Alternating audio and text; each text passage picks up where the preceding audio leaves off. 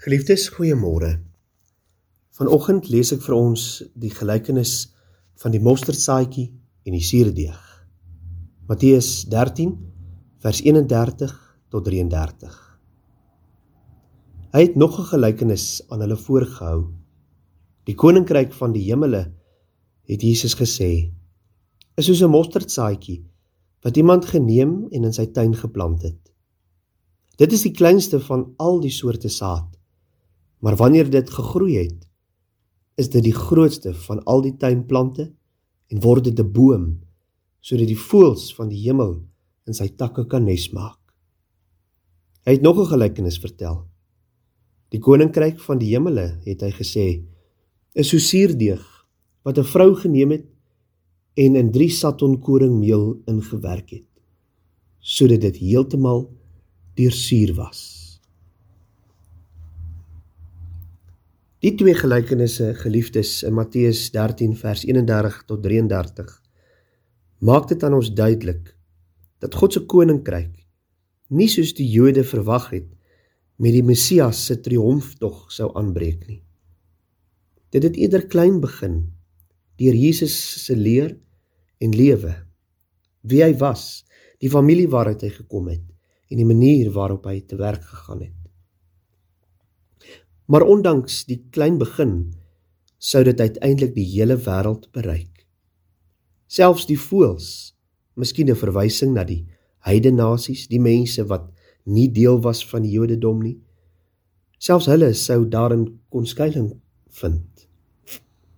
Nou mosterdsaadjie is miskien nie die kleinste saadjie in die wêreld nie, maar wel die kleinste saadjie wat in die Palestynse landbou gebruik is. En al word die plant net 3 meter hoog en al is dit eerder 'n struik as 'n boom, is die gelykenis duidelik. Dit sal groei en groot word en dit sal blyplek bied vir baie. In die gelykenis van die suurdeeg word vertel hoe 'n klein bietjie suurdeeg 'n enorme uitwerking kan hê. Dit druk ook die gedagte van onsigbaarheid uit. Net soos die suurdeeg onsigbaar werk, maar uiteindelik alles deursuur, so is God se koninkryk ook. Dit is 'n stille krag wat nie altyd sigbaar is nie. Maar niks sal dit uiteindelik kan stuit nie. En verder is die mosterdplant 'n onkruid en suurdeeg maak brood suur. En dit wys dat die koninkryk anders is as wat mense verwag en waarskynlik onverwagse en anderse mense insluit as wat ons dalk dink. En ek het in die week wat verby is baie keer gedink oor die koninkryk en miskien liewe vriende verwag ons hopeloos te veel. Ons verwag wonderwerke, triomftogte, oorwinning, onmiddellike genesings in ons verwag groot en en onuitspreeklike dinge wat met ons moet gebeur wanneer ons praat oor die koninkryk. Maar tog, so leer Jesus, kom die koninkryk daar waar ek en jy in ons alledaagse lewe met ons dagtaak besig is en iets van sy genade en liefde ervaar en dit dan laat uitsyfer na die res van die wêreld die mense rondom ons.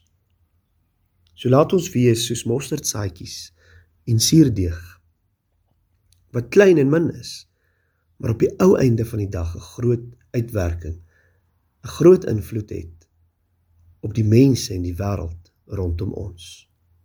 Kom ons bid saam.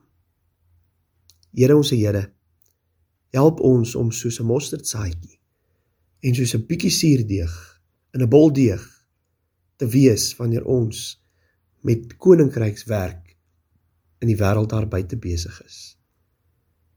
En help diegene wat op soek is na u koninkryk om dit te vind deur te besef dat dit begin by die klein dingetjies in die lewe.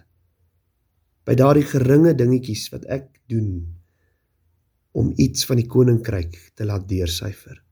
Help ons om te besef dat niks wat ons doen of sê ooit gering geag moet word nie. maar dat dit altyd altyd tot eer van die naam strek en tot op en uitbou van u koninkryk. In Jesus naam alleen bid ons dit en ons vra dat u ook in die naweek wat nou voorlê saam met ons sal wees. In Jesus naam alleen bid ons dit. Amen.